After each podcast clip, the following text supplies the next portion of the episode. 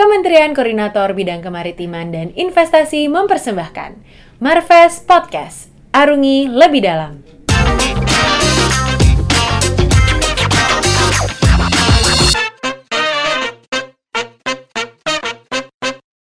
Halo tim Marves, kembali lagi dalam episode Marves Podcast. Pada kesempatan kali ini, Maura bakal ngajakin tim Marves ngobrol-ngobrol dengan seseorang yang udah keren banget di bidangnya, udah nggak perlu diraguin lagi. Tanpa berpanjang-panjang, kita bakal ngobrol-ngobrol sama Bapak Oscar. Jadi sedikit info, Pak Oscar ini merupakan kurator dari Yayasan Riset Visual Mata Waktu. Nah, mungkin sebelum kita masuk ke topiknya, eh, sebelum kita masuk ke topiknya, kita bisa berkenalan dulu kali ya Pak. Silakan, Iya, terima kasih Mbak Maura. Eh, nama saya Oscar Motulo. Eh, sehari-hari aktif sebagai wartawan foto, tapi belakangan lebih banyak juga menjadi kurator fotografi independen. Sekarang karena sudah pensiun. Eh, sebelumnya saya bekerja ya kurang lebih nggak gitu lama ya, mungkin 30-an tahun lah di kantor berita antara. Oke, Eh, kenapa Pak awalnya gimana ceritanya sampai akhirnya bisa terjun karirnya di fotografi? Aduh, panjang ceritanya. Tapi singkatnya gini. Jadi saya ikut pendidikan eh, rekrutmen dari kantor berita antara sebagai wartawan eh, tulis sebetulnya. Mhm. Lalu eh, setelah itu diminta untuk mengembangkan eh, fotografi jurnalistiknya. Jadi saya beruntung nih mendapatkan dua medium sekaligus di bek- sepanjang bekerja atau berkarir di kantor berita antara. Jadi ini yang membuat ada ada sebuah pengalaman yang menarik gitu ya. Mhm. Jadi medium eh, jurnalistik di dalam dua pendekatan, Oke. sisi citranya, Mhm. visualnya dan juga sastra atau eh, tulisnya. Oke, jadi mengkolaborasikan antara keduanya ya Pak ya. Mhm. Oke, tapi dari pengalaman Bapak lebih dari 30 tahun itu ada cerita yang paling apa ya, paling diingat dan paling eh, memorable buat Bapak nggak Pak? Aduh, liputannya sih macam-macam ya, banyak ya. Tapi eh, secara umum sih, saya kebetulan banyak banyak juga sih ngeliput untuk misalnya bencana alam gitu ya. Mhm. Eh, Kejadian-kejadian luar biasa yang sifatnya kalau buat kita di dalam dunia jurnalistik Mhm. hal yang lumrah gitu ya. Eh, Tim-tim, lepasnya tim-tim gitu ya. Eh, dan tentu yang paling berkesan itu adalah pergolakan politik yang menye- eh, menyudahi resim 32 tahun pemerintahan Soeharto. Soeharto, oke. Eh, waktu zaman Soeharto itu apa Pak yang paling Bapak ingat momennya tuh apa Pak? Se- eh, yang melatar belakangi itu adalah dulu ya ketika eh, rezim ini memulai dengan sebutan sebagai Orde Baru gitu, maka eh, pemerintahan Presiden Soeharto Presiden kedua ini itu mulai melakukan pengakangan terhadap pers. Jadi kita bisa dikatakan liputan-liputan yang dilakukan oleh teman-teman yang sifatnya damai-damai lah Oke. gitu ya. Banyak peristiwa-peristiwa yang uh, belum terjangkau oleh pers visual ketika itu. Nah, karenanya ketika ada gerakan uh, reformasi itu, gerakan moral reformasi, mendorong mahasiswa, mendorong banyaknya ketidakadilan dan uh, KKN yang dituntut oleh mahasiswa, itu menyebabkan per- pergolakan itu cepat, Oke. dengan cepat berlangsung dan uh, kita bisa menikmati hasilnya sekarang termasuk dunia pers Indonesia Mhm. itulah bisa bisa dikatakan anak kandung dari reformasi. Reformasi. mungkin agenda yang lain banyak yang masih tersendat tapi untuk dunia kewartawanan dia bisa dikatakan anak kandungnya karena pers bebas lahir dari sana Oke. pemerintahan Gus Dur menghilangkan semua kekangan yang namanya siup jadi surat izin usaha penerbitan pers dulu harus ada itu nah sekarang siapa pun bisa membuatnya dan asal bertanggung jawab satu masa kita pernah mengalami penerbitan itu sampai ribuan jumlahnya Oke. Cuman masyarakat sendiri yang kemudian melakukan penghakimannya. Mana yang mereka bisa percaya? Mhm. Karena industri pers ini memang mengacu kepada kepercayaan alias trust. Yang tadi udah disinggung-singgung juga. Oke. Pada era itu udah mengenal ini belum Pak eh, etika dalam fotografi? Eh, justru etika itu yang dilakukan berlebihan. Jadi itu yang digunakan dalam pengertian dari satu lembaga pers yang kita kenal bernama Po- Persatuan Wartawan Indonesia. Oke. Nah itu mengeluarkan yang namanya kode etik jurnalistik gitu. Nah di dalamnya termasuk juga unsur-unsur yang banyak oleh penguasa dijadikan semacam tambah yang kayak sekarang ITE lah gitu Oh, ya. oke. Jadi ada sih sebetulnya zaman-zaman keterbukaan yang berusaha dikekang kembali. Mhm. Tapi pers bebas yang bertanggung jawab tanda petik itu memang harus tetap ada Mhm. supaya demokrasi kita bisa berjalan dengan baik. Oke, baik. Kalau misalnya terkait yang tadi peliputan bencana alam, Pak, Hmm. itu kan tan apa ya? Medannya itu sulit, Pak. Hmm. Maksudnya ada banyak banget tantangan yang mulai dari lokasinya mungkin yang Hmm. eh, kenapa-kenapa atau enggak orang-orangnya juga. Nah, itu sebenarnya apa aja sih Pak hal-hal yang perlu diperhatikan supaya foto yang kita ambil itu tuh nggak menyalahi etika etika yang udah ada. Nah, kalau kalau di zaman sekarang nih yang agak-agak kita harus perhatikan adalah apresiasi kita, penghargaan kita terhadap korban.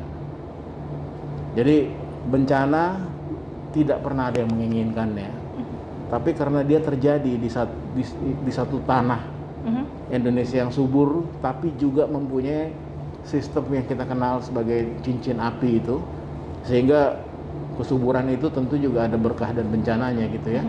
Nah, di situlah yang harus kita perhatikan bahwa kapan aja kita nggak pernah tahu, dia pasti akan terulang kembali.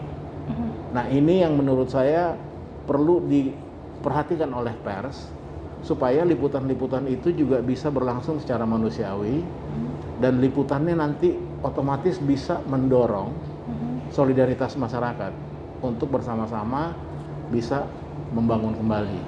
Yang kedua, kita juga harus melihat bahwa dalam liputan bencana, pers harus mengarah ke harapan.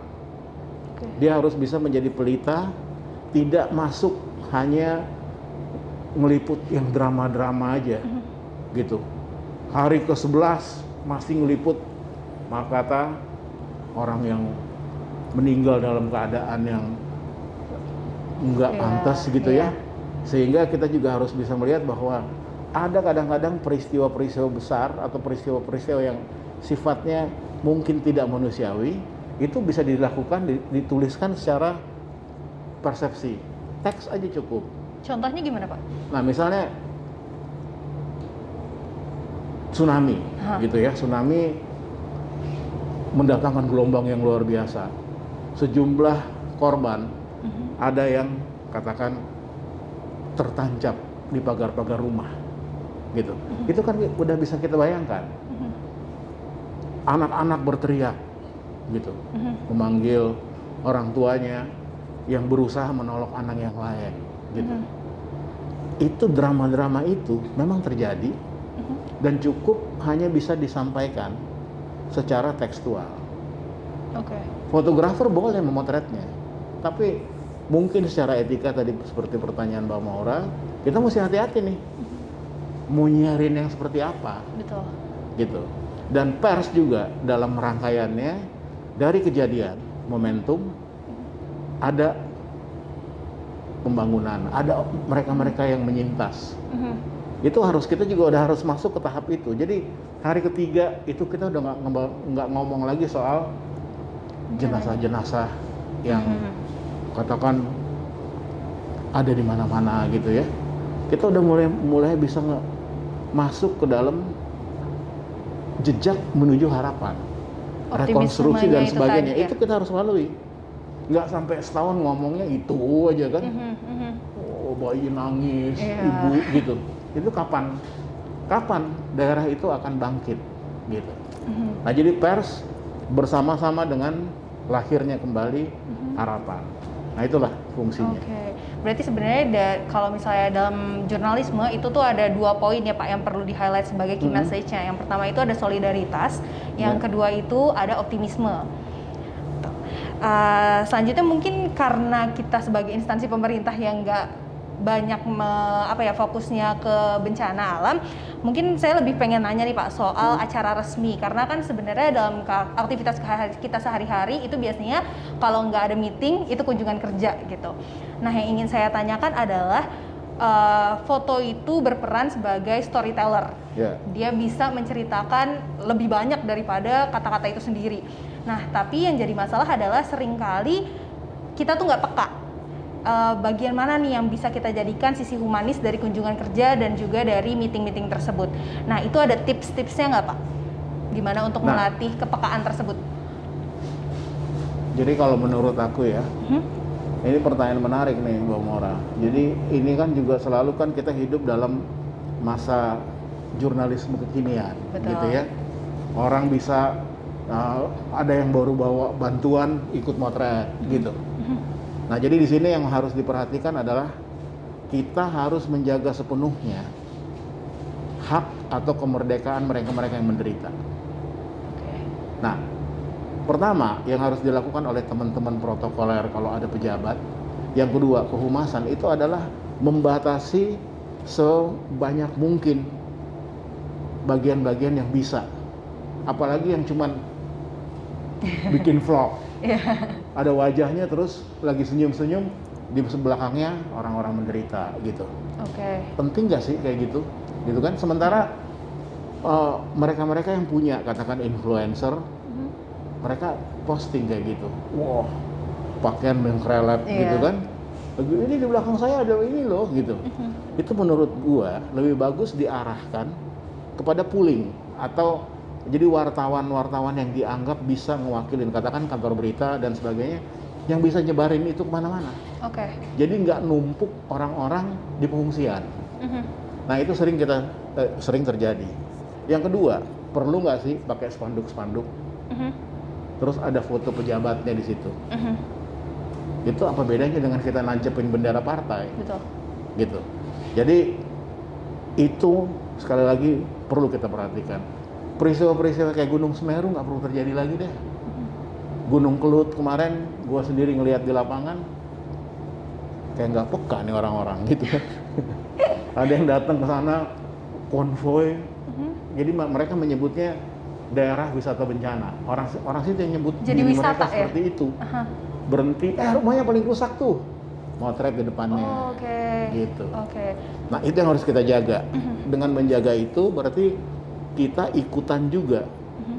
bersama-sama tidak sekedar simpati tapi berempati kepada keluarga yang menderita Empati ya yang Em- perlu di highlight itu. Oke. gitu itu itu kata kunci yang harus dilakukan pemerintah harus terlibat ke situ Aha. nggak ikut-ikutan justru nanti pasang-pasang Iya. kalau pasang banner boleh lah ya yang nggak usah yang terlalu mencolok gitu. Heboh ya. apalagi pakai fotonya fotonya lagi senyum lagi Mhm. gitu kan nggak kayaknya nggak gitu pantas gitu loh Aha. nah itu yang termaksud yang yang gue maksud dalam era seperti sekarang Mhm. bagian seperti itu ayo kita sama-sama beresin Oke. apresiasi rasa solidaritas kita kepada mereka yang menderita Mhm. itu perlu dilakukan Oke. dan harus dimulai dari pemerintah Berarti lagi-lagi yang perlu ditekankan itu adalah solidaritas, optimisme Ya. dan juga empati ya Pak ya. jadi em- Oke. empati rasa kemanusiaan kepada mereka-mereka yang menderita Mhm.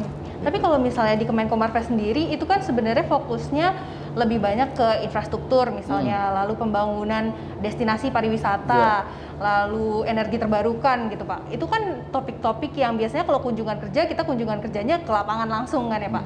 Nah itu untuk mengangkat humanisnya seperti apa Pak? Jadi kita Apakah ngeliat harus nah, tersenyum atau Nah. gimana? eh, tersenyum pada tempatnya tentu. Kalau kita ingin memberi harapan kepada orang, ya tentu juga kita kan harus memperlihatkan wajah yang optimistik gitu. Kalau mengajak mereka juga tersenyum, ayo sama-sama kita bangkit, Mhm. sama-sama kita bangun, misalnya gitu kan. Nah, maka di situ fungsi pers, fungsi mereka-mereka untuk menjadi penyambung rasa dari mereka yang menderita itu diperlukan gitu. Oke.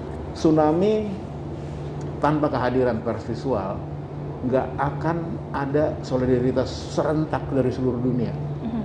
datang untuk ikut membantu.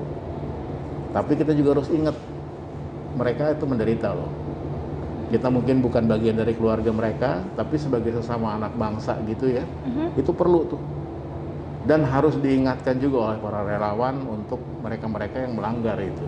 Oke. Lihat aja nggak usah jauh-jauh yang Semeru dah. Mhm. Kan banyak warga yang sampai kepada orang lain yang datang pun, ini apa ini mau foto-foto kita, gitu kan? Padahal yang ngelakuin segelintir tuh. Mhm. Oke. Tapi kalau misalnya em, saat lagi kunjungan kerja Pak, misalnya Hmm. atau lagi meeting itu, itu ada teknik fotografi yang spesifik harus dilakukan nggak sih Pak? Nah, yang paling penting kalau menurut saya pada waktu kunjungan kerja itu berlangsung, Mhm. tim surveyornya Mhm. itu lakukanlah dulu sebisa mungkin gitu ya. Mhm. Berikanlah kepada pejabat-pejabat yang bersangkutan yang akan melakukan kunjungan. Itu basic visual di daerah mana aja sih yang harus dikunjungin. Nggak usah berkeliling sepanjang kampung mencerit, mem- mempertanyakan hal yang sama gitu. Mhm. Kadang-kadang reporter juga suka terlibat, reporter visual, suka terlibat kepada pertanyaan-pertanyaan yang agak klise tapi menyakitkan. Misalnya gini, orang lagi termenung di depan rumahnya, bagaimana perasaan anda setelah gitu? Iya betul. Itu kan nggak, itu maksud gue pertanyaan yang nggak nggak pantas ditanyakan Betul. untuk kondisi seperti itu. Banyak pertanyaan lain yang bisa menggugah atau kita ingin tahu nih cerita dari para mereka-mereka saksi mata yang menyintas dari peristiwa tersebut. Nah, jadi kunjungan kerja sebaiknya bisa dilakukan dengan info yang sebanyak mungkin tentang lokasi Mhm. dan kedua bisa kita bisa mengetahui warga di bagian warga mana aja sih yang mulai bisa kita dekati untuk menjawab pertanyaan Oke. gitu. Oke, berarti sebagai informannya ya Pak? Heeh. Jadi informannya ngasih tahu duluan gitu supaya kita tahu. Jadi nggak nggak nggak salah. Mhm. Oke, mungkin itu aja kali ya untuk menutup uh, Mm-mm. acara hari ini. Jadi sebenarnya yang ditekankan itu ada tiga hal ya Pak ya, Iya. yang terus diulang-ulang. Yang pertama itu adalah gimana uh, berita yang kita sajikan atau foto-foto dan juga informasi yang kita sajikan itu harus optimis, Yang yang kedua ini solidaritas gitu. solidaritas, Ah, betul. ya, etis ya. Jadi Mhm.